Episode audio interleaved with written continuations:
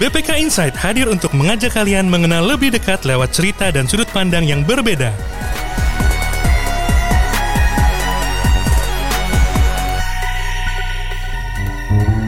Assalamualaikum warahmatullahi wabarakatuh. Selamat datang di BPK Insight, podcast pembelajaran BPK Korpu. Saya Sepriyadi, host Sobat Pembelajar kali ini.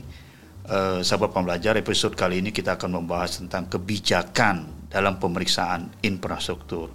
Jadi kalau kita ngomong tentang kebijakan, maka yang pertama kali yang kepikir kita adalah tentang eh, apa dasar rencana kemimpi- kepemimpinan, keputusan eh, dari suatu eh, apa namanya eh, kegiatan. Nah, tapi kalau kita ngomong tentang pemeriksaan infrastruktur, hari ini kita kedatangan narasumber yang keahlinya tidak lagi diragukan.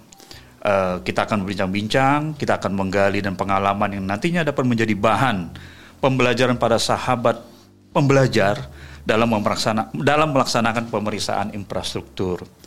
Eh, sobat pembelajar mungkin sudah banyak yang tahu tentang narasumber kita, Pak Insinyur Raden Kornel Sarip Prawira Diningrat, MMCSFA. Selamat pagi Pak Kornel. Selamat pagi.